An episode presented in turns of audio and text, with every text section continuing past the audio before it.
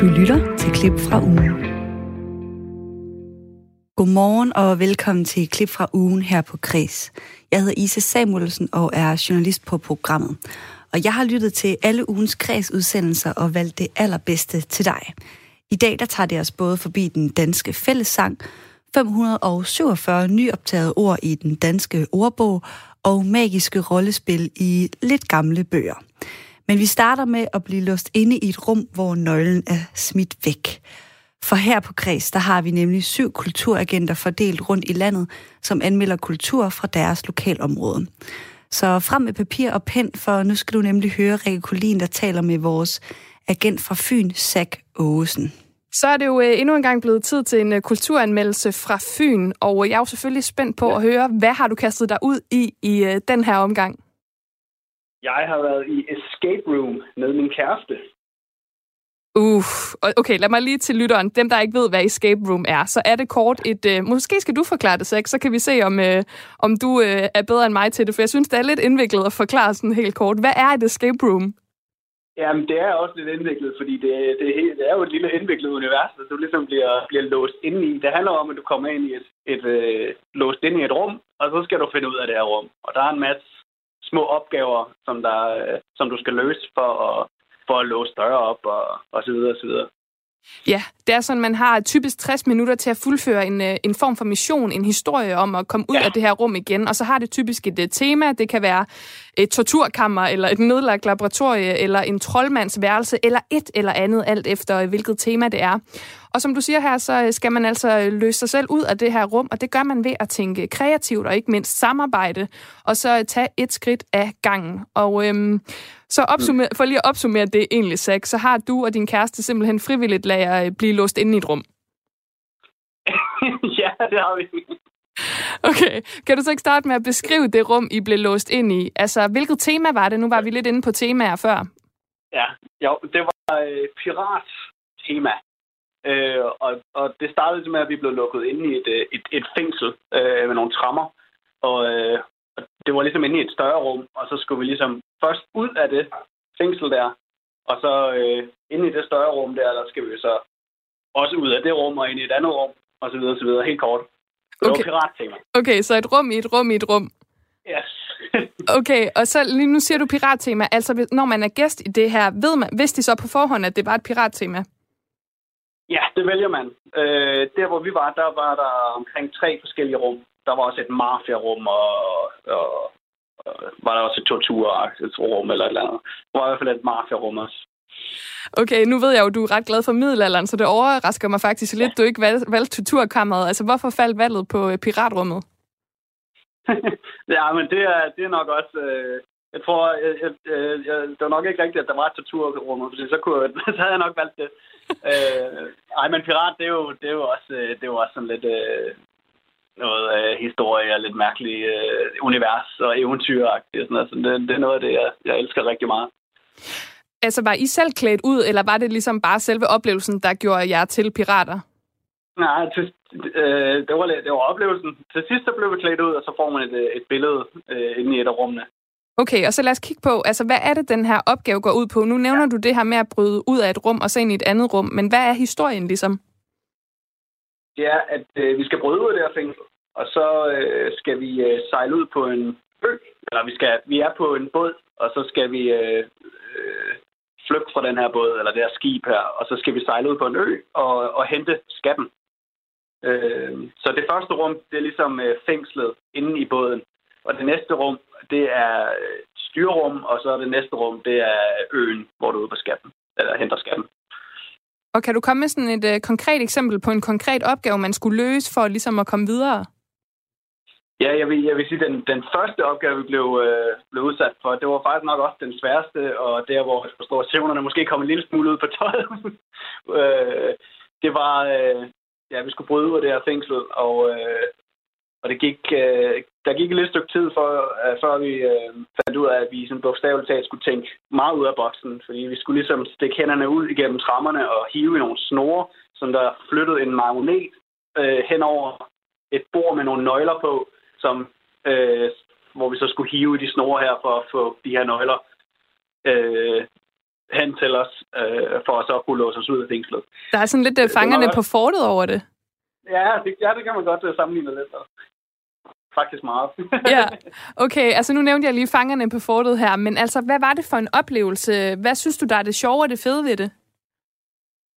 Jamen det er som sagt, man skal virkelig tænke ud af boksen. Øh, man skal løse nogle øh, underlige opgaver, og, øh, og man, øh, jeg vil sige, det fede ved, at vi var, vi var to, det var, at vi kunne virkelig mærke, hvornår, man havde, vi, hvornår den ene kunne byde ind med noget andet, at den anden ikke lige kunne regne ud. Og, øh, det var, øh, det var lækkert at, at mærke, at man kunne hjælpe hinanden, og man var afhængig af hinanden for, for at komme videre. Så, øh, øh, det synes jeg var sjovt. Så parforholdet, det kom faktisk ikke på prøve, det styrkede jeg, vil du sige? Ja, det har jeg selv gjort det. okay, her øh, næsten til sidst, Zach. Hvem tænker du så ville synes, at uh, netop den her oplevelse er spændende? Det er, der er simpelthen så mange. Altså det, jeg kan simpelthen jeg kan se det for, øh, for, de, for de fleste. Øh, det er en mega fed teambuilding-opgave, for om man er kollegaer, eller familie, eller bare venner, eller et par. Uh, men jeg vil også sige, at, uh, at lige det rum, vi var i, der kunne mindre børn også godt være med. Der skulle selvfølgelig være nogen som nogle øh, ældre og nogle voksne, som der, som der kunne regne de her opgaver ud. Men jeg tror også, at, øh, at mindre børn kunne have det helt vildt fedt med at, at være i det lille univers der i, i en times tid. Jeg kunne godt se det for mig. Og så her til sidst... Ikke være, øh, og hvad siger du så ikke? hvad, hvad sagde du? Jeg siger, man skal nok bare ikke lige være så klaustrofobisk. Ej, okay. det, er, det, er, det er faktisk meget øh, en god pointe i det. Men prøv at høre her til sidst, i Gåsen, så skal vi jo have givet en karakter fra, på vores skala fra 1 til 6. Og i dagens anledning, så er det piratskatte. Så hvor mange piratskatte fra 1 til 6 vil du give den her oplevelse? Det bliver en 6'er, fordi det, det er mit første escape room, øh, og, øh, og jeg var meget, meget positivt overrasket. Det var, det var vildt fedt. Sådan blev det altså til seks piratskatte til escape roomet i Odense fra vores øh, kulturagent SAC. I denne uge har vi her på Kreds sat fokus på den danske sangskat. Der er noget galt i Danmark, dybbel mølle maler helt af helvede til. Tibum, bum, tibum. Bare tegne drengen er i orden, kan man få det som man vil. Tibum, andres mening, selvom det er dem, der står for skud. Der er noget skævt i toppen, noget der trænger til at skiftes ud. Ja, måske kan du øh, huske den her version af Der er noget galt i Danmark, som altså blev fortolket af et gospelkor i Hella Juice film Oh Happy Day fra 2004. Den her film, som altså handler om at synge sammen og om, hvad det fællesskab sangen giver, kommer til at byde, betyde for en flok mennesker i en lille by. Sigurd Barrett han udsendte forleden et stort værk i to bind om hele Danmarks sangskat, fordi højskolebogens 19. udgave den udkom i torsdags. Og Rikke Kulin, hun fik besøg af Stine Isaksen. Hun er redaktør og formidler ved Sangens Hus, som driver et videnscenter, hvor der arbejdes med at finde ud af alt muligt om sang og hvad den gør for os og ved os. Altså lad os lige starte sådan helt konkret. Hvorfor synger mennesker overhovedet? Altså hvad er det for noget med de her lyde, som kommer ud af munden på os? Ja, øh, det, er et, det er et rigtig godt spørgsmål. Øh, der er mange forskere, som peger på, at sang øh, faktisk har sådan en evolutionær betydning for os. Øh, vi er jo et flokdyr, og vi er helt afhængige af, at øh, vi har hinanden, og at vi kan opbygge et stærkt øh, fællesskab, og vi kan binde os sammen øh, i grupper. Og, øh, og det er der mange, der mener, at det er en af grundene til, at vi synger, at det er fordi, det har en effekt i forhold til det. Og hvis man ser på det sådan rundt i hele verden, så vi kan jo ikke se, om vi altid har sunget, fordi sangen efterlader ikke sådan nogle fysiske spor. Det er ikke sådan en benfløjte eller et eller andet, man kan finde. Men man har, har ikke kendt til og kender ikke til nogen kultur i verden, hvor man ikke synger. Så det virker som om, at det der med at synge, det er sådan en fuldstændig gennemgående almen menneskelig ting, som, som man gør på tværs af tid og sted og kultur. Øh, og man kan også se det på den måde, som øh, vi som forældre øh, for eksempel går til øh, børn på, at det der med at synge, det er så nærmest en instinktiv ting, som man griber, når man skal drage omsorg for det lille barn. Nu sang øh, Sigurd jo lige, Solen er så rød, mor, som jo er sådan en vuggevise, og det er jo noget, rigtig mange mennesker kender til. Den der situation, hvor man bruger sangen til at trøste det lille barn, og til at give det tryghed og, og omsorg. Og det er der faktisk også forskning, der viser, at, at sang kan være med til at gøre. For eksempel, hvis man instruerer gravide kvinder i at synge for deres børn, når de bliver født, jamen så oplever øh, de bedre nattesøvn og mindre stress hos børnene, og kvinderne øh, bliver mindre stresset også, øh, færre grådepisoder og alt sådan noget. Så, så der er meget, der tyder på, at det der med at synge, det, det er sådan en, en instinktiv ting, sådan en, øh, en del af det, øh, af det at være menneske, i hvert fald det, at vi er mennesker sammen.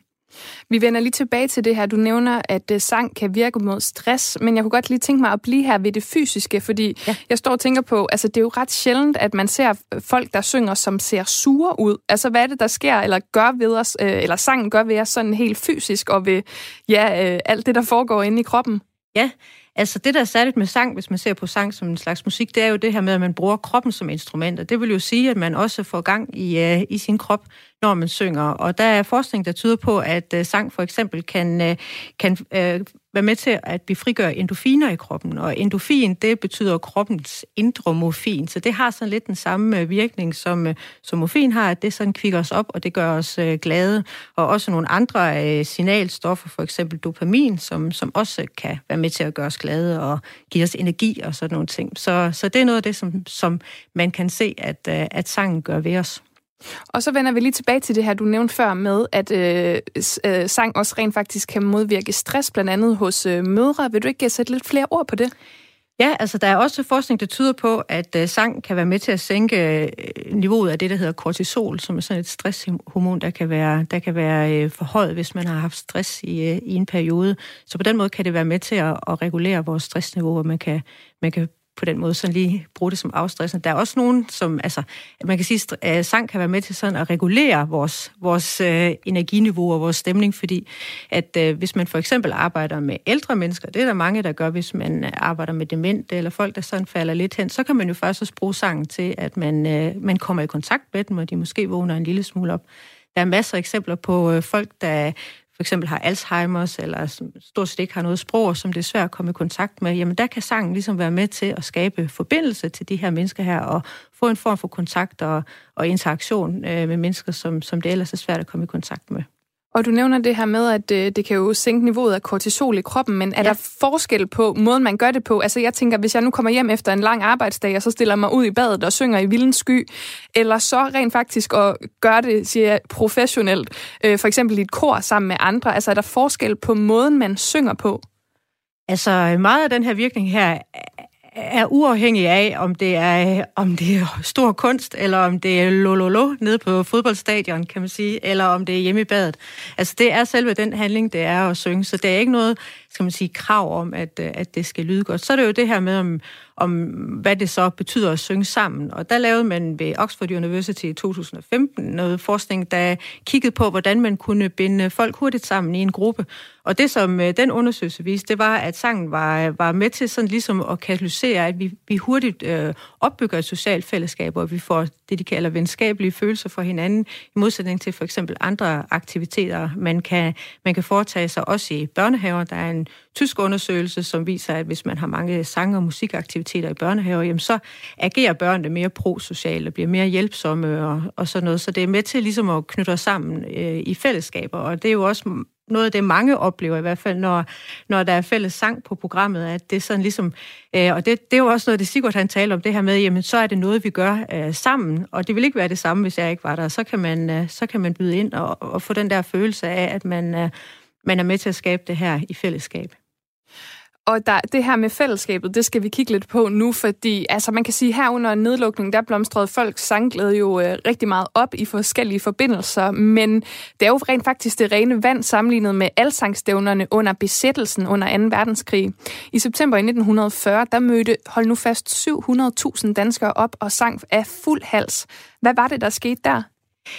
Jamen, jeg synes faktisk egentlig, at sammenligningen er meget god i forhold til corona. Det her med, at øh, vi bliver slået ud af kurs, og at der sker nogle begivenheder, som vi ikke er vant til. Man kan blive utryg og usikker. Øhm, og det gjorde man jo også, da, da tyskerne kom, og besættelsen øh, kom der i 1940. Og så, øh, og så fandt man så det, det her med, med alsangen og fællesskabet i sangen, og mødtes til de her øh, store alsangstævner rundt omkring i, øh, i hele landet. Og det var en bevægelse, der blomstrede lynhurtigt øh, og blev mægtig stor, og faktisk også rigtig godt hjulpet på vej af det her nye medie, nemlig radioen, som gjorde, at man kunne også sidde hjemme i sin stue og føle, man, få den der samme følelse af, at man var en del af noget, der var større. Og så øh, var der reportage for fællessang i Aalborg og fællessang i Fælledparken i København, og så kunne man sidde hjemme øh, ved, jeg har talt med en mand, der sagde, han sad hjemme ved sin radio i Hammel, og følte, at han alligevel var en del af det der. Jeg tror, det er det samme, der også har været på spil her under corona, at man har, man har manglet det der fællesskab, og man har været utryg og usikker, og hvad sker der? Øhm, og så har man... Øh,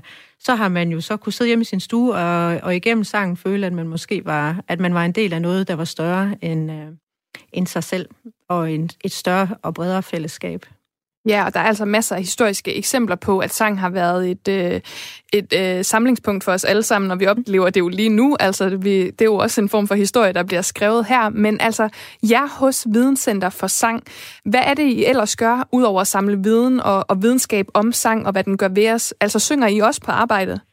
Altså, vi synger for sjov, men, øh, men øh, mit job er ikke at synge. Øh, øh, altså, det vi gør, det er jo, at vi øh, samler viden øh, om sang, og vores store opgave er at samle viden, der går sådan lidt på tværs, altså både øh, noget sociologisk og historisk og fysiologisk, øh, sådan at vi ligesom øh, kan belyse øh, det her med sang fra forskellige vinkler af.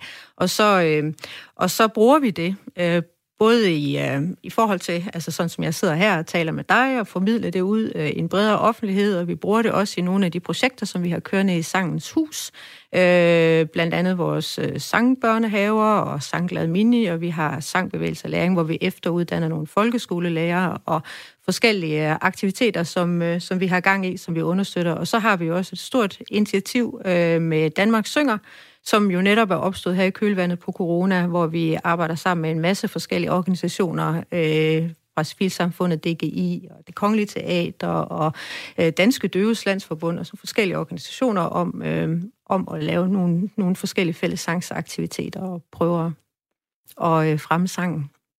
Og så kommer jeg bare lige til at tænke på noget her til øh, sidst, Stine Isaksen. Ja. Du nævnte det her med, at øh, sang også kan skabe venskabelige følelser. Hvad med, hvis man er på første date med nogen? Altså det at synge for dem, vil det kunne hjælpe noget? For jeg tænker, der er rigtig mange, der måske hungrer efter noget kærlighed lige nu, øh, her under corona. Og altså tidligere, der sang man jo serenade. Jeg tænker sådan rent historisk, altså er der noget sådan belæg øh, for, at sang også kan have en romantisk indvirkning? Jamen, det tror jeg da. Men jeg synes, at... Øh at, at det, det må jo være op til den enkelte. Noget, noget af det, man skal huske på, det er jo det her med, at sang er jo noget, som øh, vi kan se fra vores perspektiv, der kan være rigtig godt i mange sammenhænge, som netop kan bringe mennesker sammen. Men det er jo vigtigt, at det er noget, som man er glad for, og man er tryg ved. Så det handler jo også om, at der er nogle rammer, som, øh, som man går ind i øh, på, en, på en tryg måde. Og der, der kan der måske godt være lidt forskel på, om man lige har lyst til at synge. Og jeg vil jo sige, at det er jo faktisk noget, der, øh, der er en af mine kæpheste, det er jo det her med, at der er rigtig mange, der, når man spørger dem, så siger de, at jeg kan godt lide at synge, men jeg er godt nok ikke så god til det. Men langt de fleste mennesker, de er, de er gode til at synge og kan sagtens ramme en tone. Øhm, det er det her med lige at vende sig til, hvordan man lyder, og man ikke alle sammen lyder ligesom øh, Beyoncé eller sådan et eller andet den stil. ja. øhm, men at vi lyder, som vi lyder, og øh, at vi også øh, kan lade opløfte vores stemme. Og jeg tænker, hvis man er meget forelsket, så kan det jo godt være, at man, øh, man ser igennem fingre med, ja. med, at det ikke lige lyder ligesom ja, ja. en eller anden popstjerne. Lød det altså fra Stine Isaksen, som er redaktør og formidler ved Sangens Hus.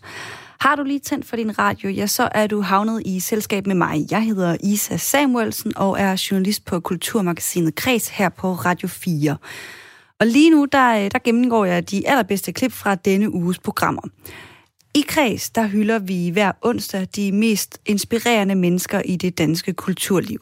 Det er dem, der er forbilleder og flytter grænser og skaber forståelse i kulturlivet.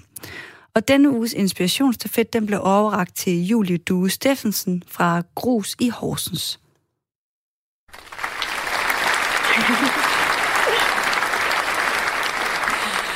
Tillykke med det, Julia. Ja, men det er fornøjelse. tak. Inden... Det vil jeg gerne have hver onsdag. Skal vi ikke... Jo, det kan vi godt lave fast. Ja, det synes jeg. tak. Prøv at høre, inden vi dykker ned i den her store ros, øh, som øh, du skal have lige om lidt, kan du så ikke lige sætte et øh, par ord på, hvad grus er for et sted til de lyttere, der ikke kender det? Jo, det kan du tro. Øhm, Grus, det er en café, jeg har lavet i Horsens, og øh, Horsens er jo ikke en den helt store by, men jeg har været rundt omkring og boet i forskellige byer. Der har jeg jo set de her caféer, som godt indeholder alt muligt andet end at blot at servere mad. Og det er jo så det, vi er i gang med at prøve at facilitere til Horsens. Så der er blandt andet en masse events, og der er folk, de kommer meget ned og arbejder og sidder med deres computer og sådan noget. Og egentlig et koncept, som fungerer fint i de større byer, men som er nyt for Horsens. Og så min opgave, og det jeg finder rigtig interessant, er så, hvordan vi ligesom får skabt det rum og faciliteret det i lidt mindre byer, hvor det ikke er kommet til endnu. Yes. Så øh, et koncept, som eksisterer, men som jeg så finder rigtig interessant at få, få implementeret i en by som Horsens. Og, øh, Og så alle mulige events og alt muligt. Ja. ja, og det er godt lige at få det hele på plads, og alle mulige øh, Nemlig. events. Og det er jo faktisk, altså grund til, at Grus og du har fået den her pris, det er jo fordi sidste uges udvalgte Sara Jarsbo fra Foreningen Sydhavn, hun øh, sendte inspirationsstafetten øh, videre til dig, og lad os lige høre, hvorfor hun gjorde det. Julie, som har startet Grus i Horsens. Og jeg har fulgt Julie igennem nogle andre øh, forskellige initiativer, hun har startet op, som har været lige så smukke og inspirerende. Men det her med at rykke øh, ud af storbyen, og hun rykkede endda ud af hovedstaden, øh, og så til Horsens og starte noget op der. Hun har simpelthen lavet et sted, hvor man kommer ind og føler sig hjemme. Men alt er ligesom også op til fri øh, fantasi, kan man sige. Alt kan lade sig gøre, alle muligheder åbne. Det synes jeg er vanvittigt modigt, og at se det vokse er dybt inspirerende. Så derfor skal hun have den. Ja, Julie, hun er jo inde på mm. lidt noget af det, du også øh, selv talte om før, og blandt andet det Ja. her med at tage springet fra hovedstaden, og så starte noget kreativt op i en øh, mindre dansk by. Hvordan har det været? Ja. Jamen altså, den, den er jo fyldt. Nu ved jeg ikke, hvor lang tid jeg har. Nu må du endelig øh, stoppe mig, fordi Det det har jo fyldt. Ikke, fordi det kan jeg tale meget om, fordi det er jo plus og minus. Altså, på den ene måde, så vil jeg aldrig turde gøre det her i en anden by end Horsens, fordi jeg er fra Horsens, og det er her, jeg er vokset op og har været sådan, aktiv og har hele mit netværk.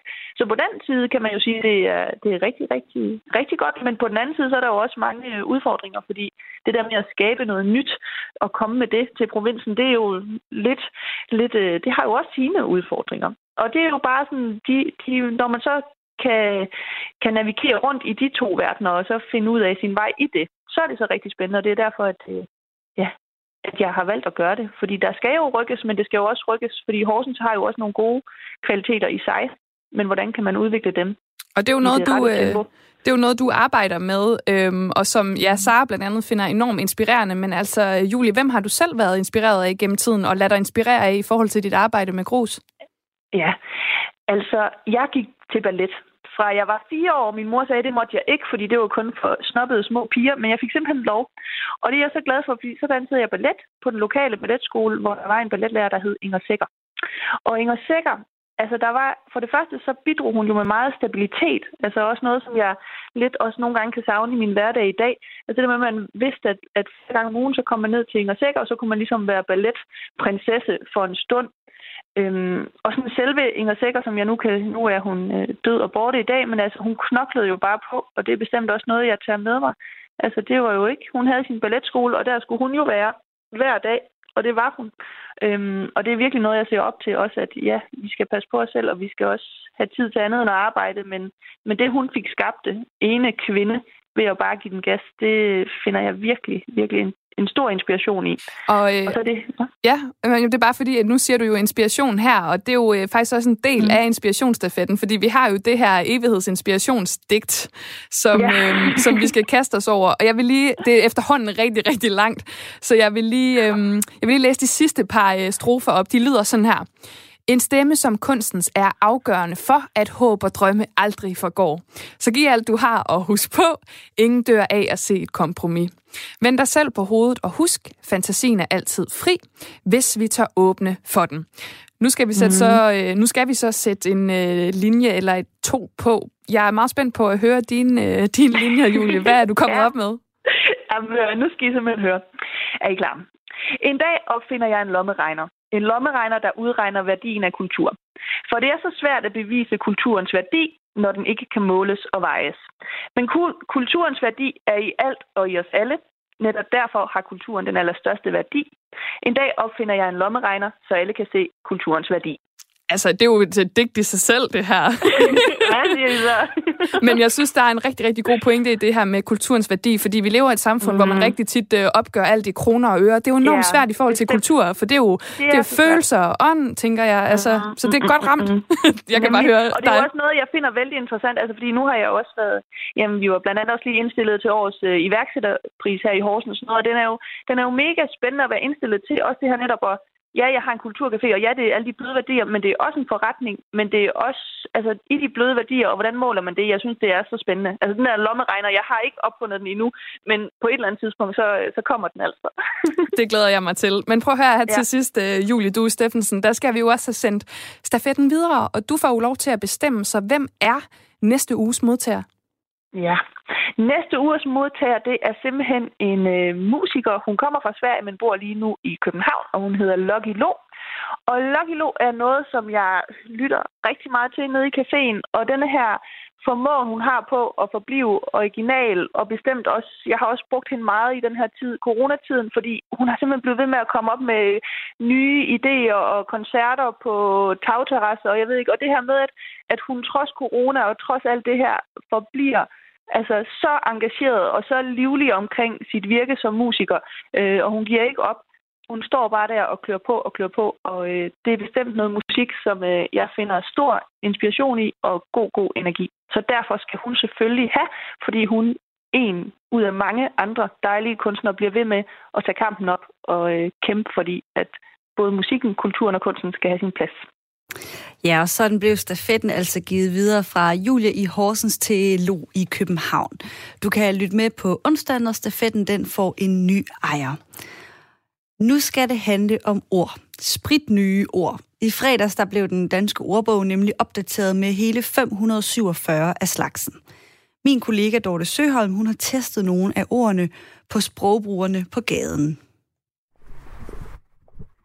Kærestekilo, kontakttal, kunstpels, klumpedumpet, katastrofeturisme, klimaaflad, kinasutter og kalendergymnastik. Og så selvfølgelig kontakttal. Vi er jo i coronatiden. Det er bare nogle af de nyskabelser, der er kommet til under bogstavet K i den danske ordbog. Men er det ord, som folk allerede har taget til sig, og måske endda bruger? Ved du, hvad kalendergymnastik er? Nej, det aner jeg ikke. Skal jeg gætte, hvad det betyder, eller? Ja. Kalendergymnastik, ja.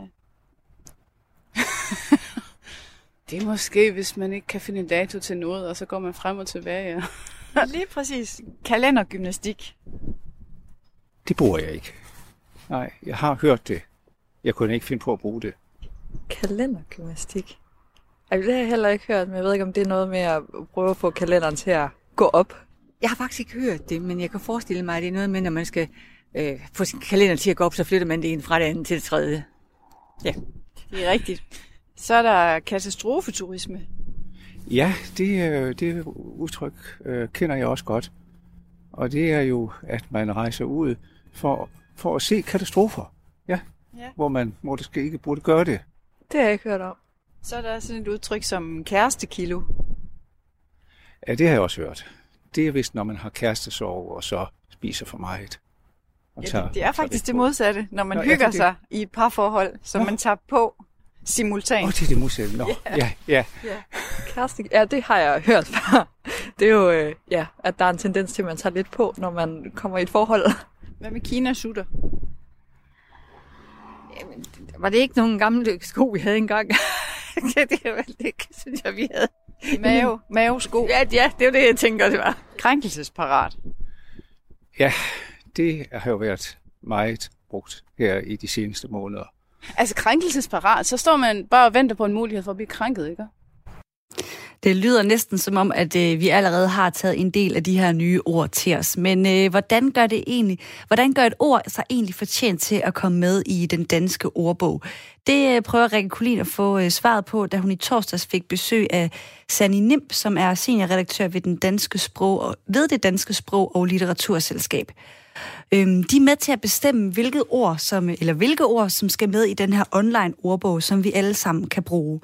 Rikke, hun startede med at spørge Sani, hvad de 547 nye, nye ord afspejler, og hvor de kommer fra. de, de kommer faktisk fra mange forskellige øh, områder. af vores sprog. Der er en del madord, det er der næsten altid, når vi opdaterer. Der er en del sportsord, der er også en masse inden for kultur og musik, nationaldigter, indie-pop, friluftsscene for eksempel. Øhm, og så er der også en del corona-ord på grund af den nye øh, coronasituation. Og så er der også sådan lidt spredt fægtning øh, rundt omkring. Så det afspejler også sådan det, vi taler om lige nu? De afspejler mere end normalt faktisk, det vi taler om lige nu, fordi for eksempel coronasituationen har gjort, at der er så mange vigtige ord i sproget, som faktisk er ret nye, men som vi mener absolut øh, bør komme med, fordi det ligesom vil stå og præge, det vil præge den her tidsperiode i mange år frem. Men faktisk så øh, altså plejer jeg at optage flere nye ord end de her 547, når I reviderer ordbogen øh, et par gange om året. Så hvorfor er det lige, at der er færre den her gang? Er det fordi, det er mere sådan centraliseret om emner, men lidt sådan, altså sådan, hvad skal man sige? Ja, det er lidt forskelligt, hvor mange måneder der er gået, og det har været, altså vi har også været lidt færre mennesker, end vi plejer, fordi vi desværre sparer lidt i øjeblikket, fordi vi er usikre på vores fremtidige bevilling. Øhm, så ja, det ene med det andet. Vi har også brugt en del tid på at revidere øh, ord øh, den her gang. Øh, mere tid måske, end vi plejer at gøre. Og du var jo... Øh, altså, nej, lad os starte et andet sted, for hvis, hvis vi nu kigger på nogle af de ord, som er blevet opdateret, så er der altså også især... Altså, nu talte vi lidt om corona før, men man kan også se, at der har været nogle samtaler om sex og samliv på redaktionen. Har det også været et af de dominerende emner i forhold til alt, der har været sket i år, i forhold til, hvad kan man sige, den anden MeToo-bølge? Øh, ja, altså jeg vil sige, det er en, en øhm, proces, vi har startet for ja, to, tre, fire år siden efterhånden, hvor vi begyndte at kigge på mange af de ord, som ligesom har været defineret meget ud fra, fra heteroseksuelle parforhold, ægteskaber osv., og, øhm, hvor vi prøver at være lidt mere inkluderende, sådan at minor- seksuelle minoriteter også føler, at de kan genkende sig selv i ordbogsdefinitionerne.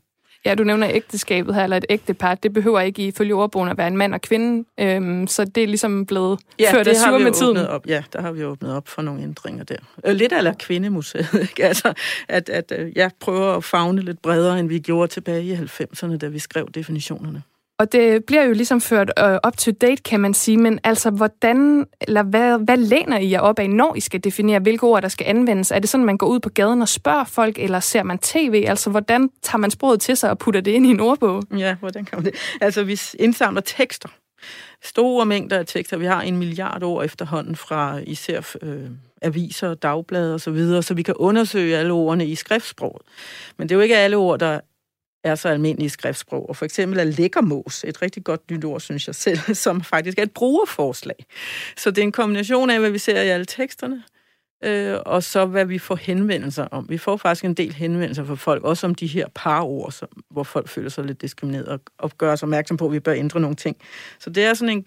Men primært er det teksterne, vi kigger i. Det skal helst have været et ord, der har forekommer rimelig hyppigt i de her tekster, og har gjort det i forholdsvis længere tid. Ikke bare lige en måned eller to, for eksempel. Og så var du jo inde på, at øhm, der måske er de her lidt større emner, som vi taler om lige nu, som selvfølgelig, selvfølgelig øh, fylder meget. Og så er der jo også andre eksempler. Nu nævnte du selv lækkermos, men sådan ord, der, der er ret sjove, der er også nosseløs og klumpedumpet. altså, ja. hvilke ord har du selv hygget dig med at, øh, at få på den nye liste? Jeg også over klumpedumpet. Altså, vi havde klumpedumpe med i, for, i forvejen, men jeg synes jo, det er et helt normalt ord, klumpedumpet. Og så har jeg ja, pløk umuligt, skrubskør, teenage-agtig. Balrød er også et nyt ord.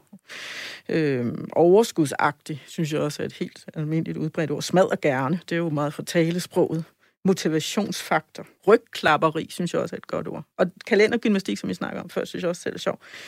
Øhm, allemandsret, ja, det ville jeg have troet, vi havde med for længst. Øhm, nøgenbade, at nøgenbade. Men det er sjovt, for jeg spiller rigtig meget Scrabble, og ikke Wordfeud på telefonen, men jeg kan godt lide sådan øh, gammeldags Scrabble. Det er meget rart at vide, ja. der er lidt mere moderne ord også. Altså chili mayonnaise også kommet ja, ja, Jeg ved godt, den er lang. Men... Der er mange madord, det er jo et, et område i konstant udvikling. Der kan vi dårligt følge med. Og så, øhm, så var vi jo inde lidt på øh, coronas indtog i det danske sprog tidligere. Det er faktisk 33 nye ord relateret til corona, som øh, er kommet med. Altså, der er kommet 33 med i juni, og ja, nu er der og nu er kommet 17, 17 flere, mere. så vi er ja. faktisk oppe på 50 ja. i alt. Altså, hvad er de sidste nye coronaord? Altså, i den her ombæring fik vi covid-19 med, som jo er den øh, faglige betegnelse, som en, egentlig ikke rigtig var landet helt øh, der i starten af året. Øhm, og så har vi fået kontakttal med, fordi man er begyndt at sige det i stedet for smittetryk. Øh, ja, så kan jeg ikke rigtig huske. Der var faktisk en del, ikke? Hvad var der også? Øh, asymptomatisk, for eksempel. Altså nogle af de lidt svære fagord, som jo efterhånden er blevet almindeligt sprog, desværre, i hver eneste tv-avis. Så vi synes, det er rigtig godt, at folk kan slå dem op. Og så er det jo sådan, at øh, årets ord også skal kors hvert år. Og sidste år, der var det klimatosse, og tilbage i 2018, der var det hvidvask. Har, vi et, øh, har du et kvalificeret bud på, hvad det kan blive her i 2020? Jeg har svært ved at forestille mig, at det kan blive andet end corona. Men øh, det kan da være, at øh, MeToo-bevægelsen her sent på året kan ja, gøre, at det ikke bliver corona. Men jeg vil tro, at det bliver corona faktisk, men det skal jeg jo ikke forudsige. Jamen, jeg ved, at altså, sidste år for eksempel, der, der kigger man meget på statistikken, altså hvilke ord, der bliver brugt mest statistisk, og løbehjul var det, der var brugt mest, men ja. det var klimatosse, som tog ja, den over. Ja, det var klimatosse, fordi det var markant i, i medierne havde sat sit præg på debatten inden for klima. Ja. Så det kan sagtens være, at det ikke bliver corona. Men statistisk der er jeg næsten 100% sikker på, at det må blive corona. Det var altså ordene om ordene fra Sani Nim, som er seniorredaktør ved Danske Sprog- og Litteraturselskab. Og jeg kan da godt smide mit eget bud i, øh, i puljen. Jeg tror måske godt, at øh, årets ord kunne være øh, samfundssind. Det er da noget, vi har snakket virkelig meget om i, i det her år. Mellem de to tidsperioder, hvor oceanerne opslugt Atlantis, og hvor Dynæ spillede deres første koncert, udkom de legendariske krøniker om stærke krigere og magtfuldt troldmænd. Mystiske fortællinger, hvor man selv valgte handling. Nu, i et dystet lokal, kun oplyst af den enkelste rinløs, samles to meget blege mænd blandt disse støvede værker. Bevæbnet med terninger, papir, blyant og tre skæløjede kaniner, skal han duos Elias Elliot og Jacob E. Hinchley se om de kan overvinde disse kraftprøver. Tag de rigtige valg og se ondskaben i øjnene i al dets form. Dette er historier om svær og trolddom. Ja, må, måske var du selv ung i 1980'erne og spillede svær og trolddombøgerne, spillede med svær og trolddombøgerne, eller måske har du hørt svær og trolddom podcasten på Podimo, som han duo laver, hvor hvis intro jingle du lige hørte her, og måske har du ingen idé om, hvad det egentlig er, jeg snakker om. Rikke Kulin, som er den kære vært her på Kreds, hun er blevet bidt af en svær og trolddom hund. Noget tyder på, at hun ikke er den eneste, øhm, og derfor dykkede hun i onsdags ned i bøgerne fra 80'erne, hvor man selv er helten og med til at bestemme handlingen. Og rollespil, det har nemlig fået en kæmpe opblomstring, og svær trolddom, trolddom er altså en af de bogserier, som oplever stor interesse i år. Den danske nørdbutik Farves Cigar, der blandt andet sælger spilbøger, tegneserier, rollespilsudklædning og manga i sine butikker, de har også et forlag, der udgiver bøgerne. Rekulin, hun har spurgt redaktør på forlaget Christoffer Aus, Ausmann om, hvorfor man har valgt at genudgive bøgerne i 2020, og hvad det er for en opblomstring, som rollespil oplever i de her år, både blandt unge og gamle. Det gjorde vi jo primært, fordi at øh, vi i vores butikker kan se, at der er en meget stor efterspørgsel på, på rollespil, og det, det har vi set i lang tid. Øh, så har det bare taget lidt længere tid. Vi ville gerne have haft dem ude et år før, men det er ikke altid, det går, som præsten prædiker. Der er jo kommet en del nye. Jeg tror, jeg talte en 8-10 titler, som ikke har været udgivet før. Og så er der selvfølgelig alle de gamle. Og øh, vi vil jo både have de nye og de gamle. Så vi genoptrykker de gamle og trykker de nye. Så det er sådan set hele planen. Og så er der øh, i mellemtiden også kommet nogle, øh, nogle flere nogen fra øh, andre forfattere også som vi også går lidt og spekulerer på. Lige pt. er vores største problem kapacitet, altså simpelthen at få det, få det lavet, fordi det, de tager altså lidt tid at oversætte, de, de tager lige lidt tid at sætte op, og, og tegneren, han kan jo ikke bare lave, øh, du ved, 20 skitser og den sat i, i banken. Det, sådan fungerer det ikke helt.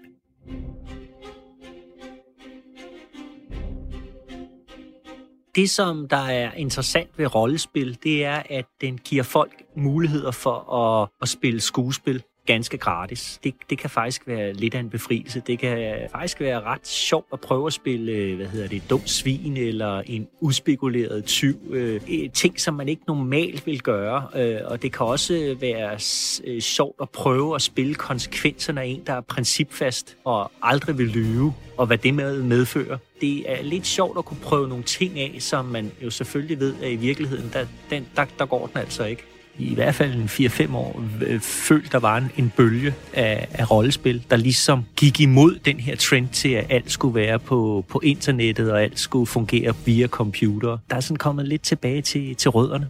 Der er simpelthen nostalgi på, på samme måde som, hvorfor samler folk på Action Man, og hvorfor samler folk på øh, kasketter og sådan noget. Der, der, der er nogle ting, som man, øh, hvis, hvis man har været barn, da de kom, så, så er der noget fantastisk ved dem. Der er sådan en eller anden uskyld ved dem sagde altså Christoffer Aarhusmann, som er redaktør for forlaget Farve Cigar. Elias Elliot og Jakob E. Hengsley, som står bag nørdepodcasten Han Du, hvor de anmelder film og tv-serier, de har siden 2019 også udgivet podcasten Svær og Trolddom på Podimo, hvor de spiller alle bøgerne igennem. Svær Trolddom er en øh, bogserie, som startede i England, der blev skabt af to fyre, der hed Steve Jackson og Ian Livingstone, der havde sådan et øh, spilfirma, altså brætspilsfirma, og var, var dem, der startede med at importere rollespillet Dungeons Dragons, som er sådan et det absolut største rollespil nogensinde. Og der blev de inspireret til at lave nogle bøger, der var baseret på rollespil. De skulle ikke have lavet en rollespilsmanual først, men så, så tænkte de, vi laver en bog, der illustrerer, hvad rollespil er ved simpelthen at lave et slags rollespil i bogform. Så det lavede en bog, hvor man selv skulle vælge handling. Den type bøger havde været ude på det tidspunkt, men så tilbragte de et rollespilselement, hvor man også skabte en karakter og brugte terninger til at slå øh, for at klare sig igennem det her eventyr, og så, så skulle vælge frem med, hvis du vil gå til højre, skal du gå til det nummer, hvis du går til venstre, skal du gå til det nummer. Og den kombination blev en kæmpe succes med det samme, og det udkom i England i starten af 80'erne, og de første bøger begyndte at komme i Danmark i 84 under navnet Svær og Trolddom, og blev også en stor succes, og serien kørte frem til 91, hvor at Borgen, der udgav dem det selskab, øh, bogforlag, de så mere eller mindre gik ned, tror jeg, og derfor så stoppede den så også. Og den stoppede desværre sådan lidt midt i, midt i en, en bogserie, som, som var sådan en, en, en miniserie Øh, inde i Svær Trolddom-universet, sådan bog 1, 2, 3, og hvad der så skulle have været bog nummer 4, som aldrig udkom, som er sådan lidt en, en hellig gral for danske Svær Trolddom-fans. Så den kom der i den periode og, og var en stor succes. Jeg startede øh, nogenlunde der, hvor de begyndte at udkomme i 485, da jeg øh, besøgte øh, ivrigt den lokale bogbus, der kom til den lille landsby, jeg boede i en gang om ugen og, øh, og fandt den, snublede over dem og slugte dem råt. Altså fik fat i alle dem, jeg kunne få fat i. Fuldstændig ude af, ude af rækkefølge. Jeg havde ingen idé om, hvad der kom først og andet og tredje. Jeg læste dem bare og nød dem i fuld drag. Og det for mig var det sådan lidt min indgangsvinkel til hele rollespilsuniverset, som jeg efterhånden kom til at dyrke mere og mere. Jamen det er jo det, det er klart sådan en, en gateway-bogserie, der har lidt mange ind i øh, på rollespillets øh, sti.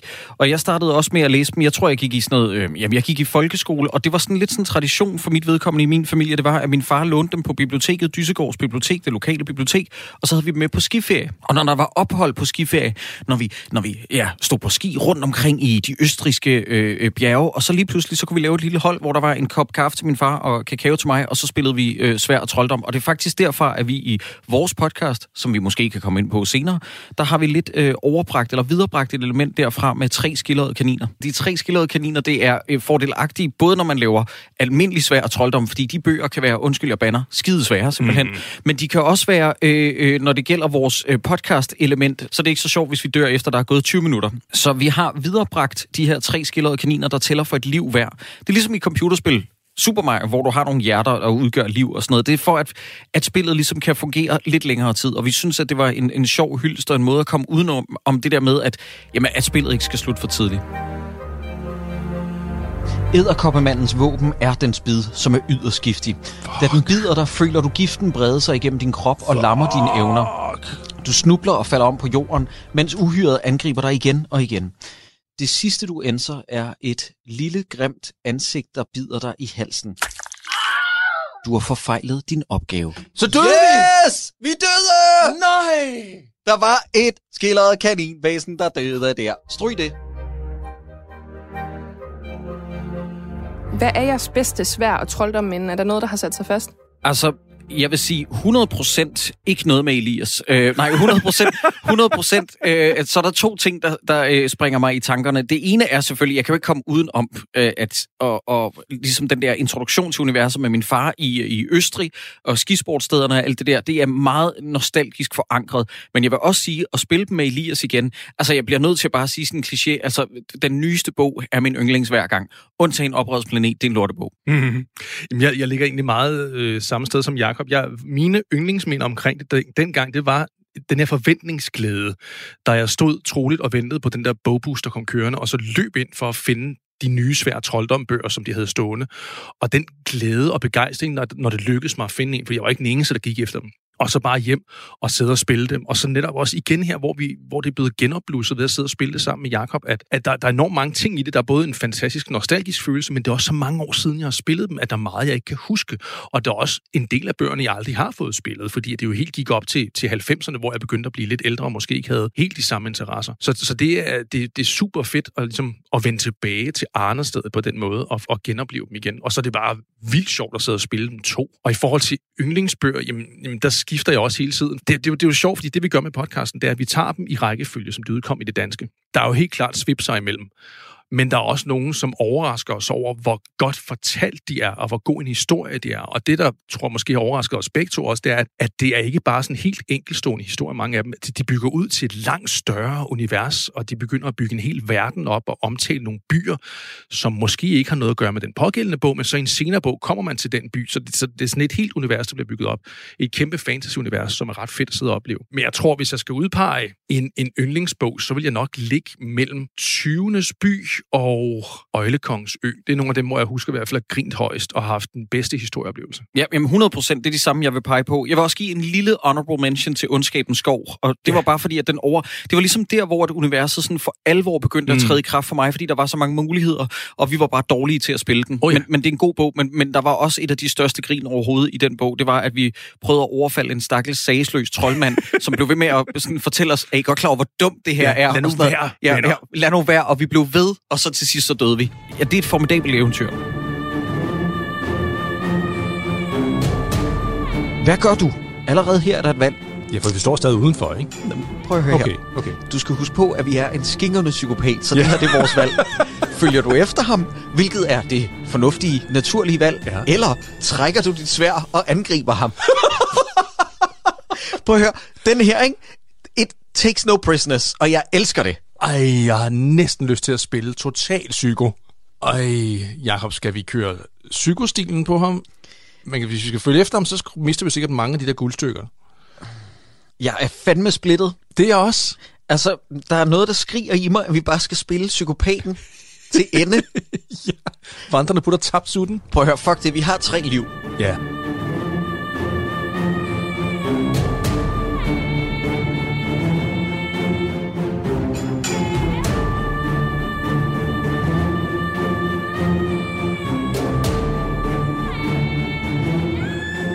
laver jo i forvejen et øh, hav af podcast. Altså under Handu, der har I jo alle mulige spin-offs. Mm. Og nu har I så øh, ja, Svær og Trolddom her, og I har jo også en anden øh, rollespilspodcast, Call of Cthulhu.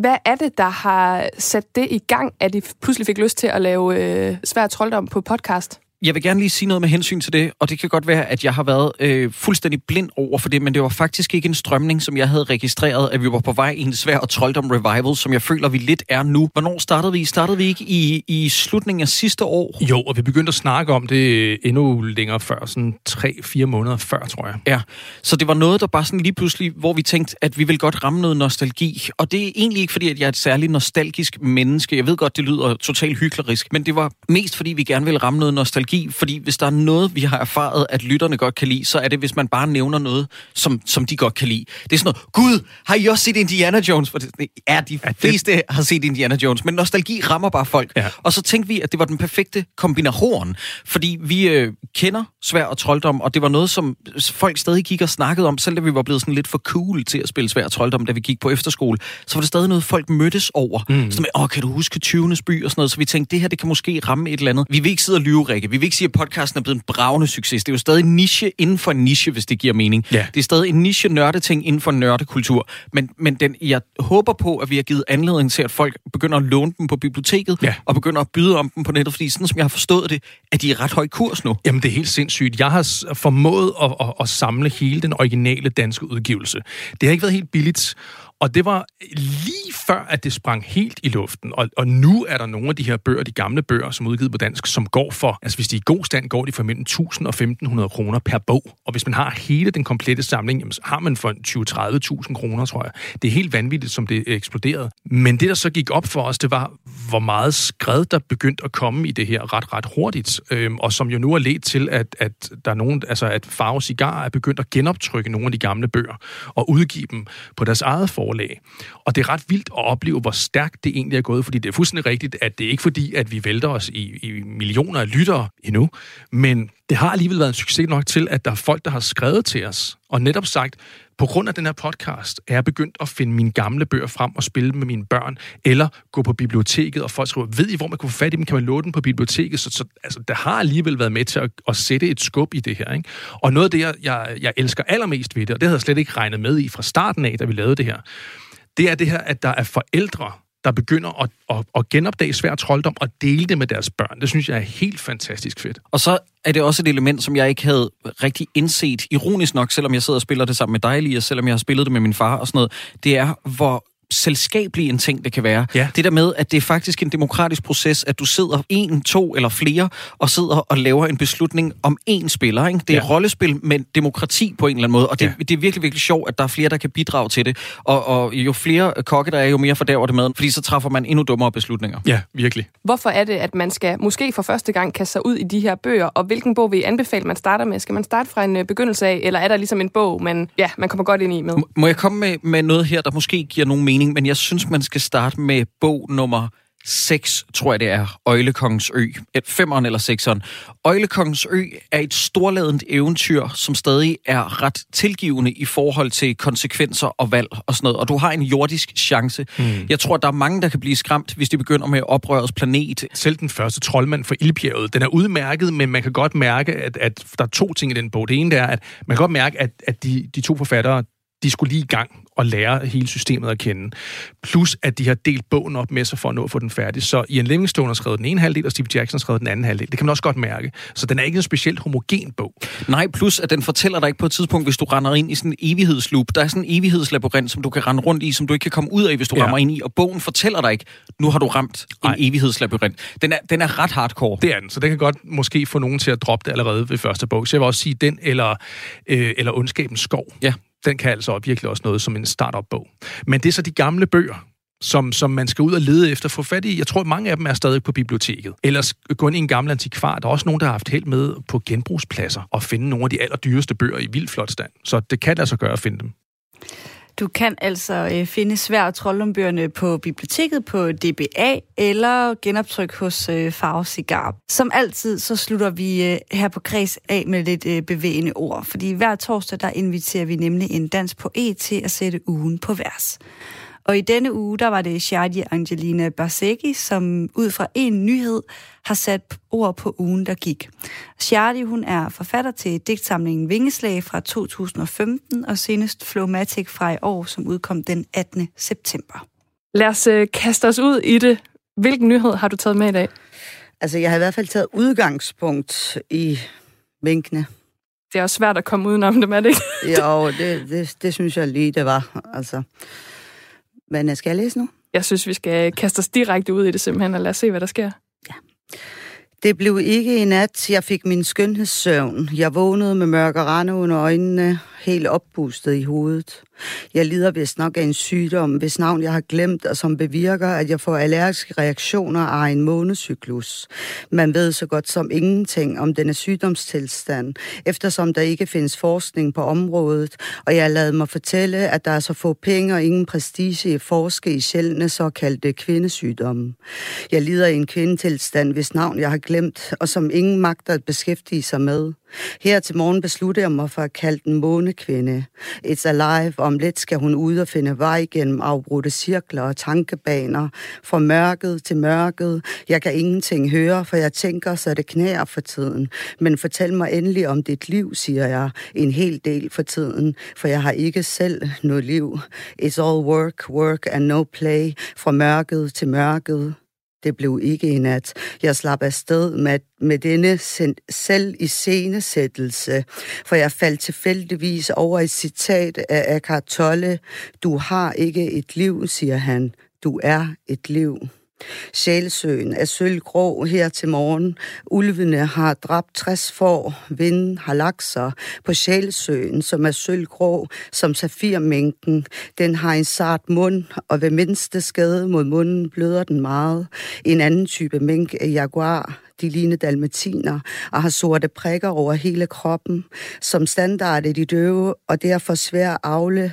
De har meget svært ved at holde liv i deres unger, når de ikke kan høre dem skrige. Derfor bliver de heller ikke brugt som avlstyre.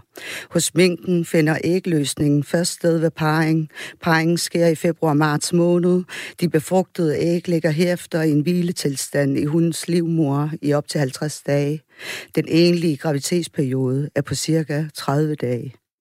Det blev ikke i nat, at minkavlere fik at vide, hvordan de kompenseres for masseaflivningen. Jeg forstår det ikke, siger jeg til en veninde. Jeg troede, de var blevet aflivet i løbet af sensommeren. Der er vist ikke mere at forstå i den her verden, siger hun. Det sagde altså forfatter og digter Shadi Angeline Basegi i torsdags, da hun satte ugen på vers her på Kreds. Det var alt, hvad jeg havde til dig i denne uges udgave af Klip fra ugen. Måske du har fået lyst til at lytte til kredsprogrammerne i deres fulde længde, så kan du finde dem enten i vores Radio 4-app, eller der, hvor du normalt henter dine podcasts. Jeg hedder Isa Samuelsen, og jeg håber, at du får en rigtig dejlig lørdag.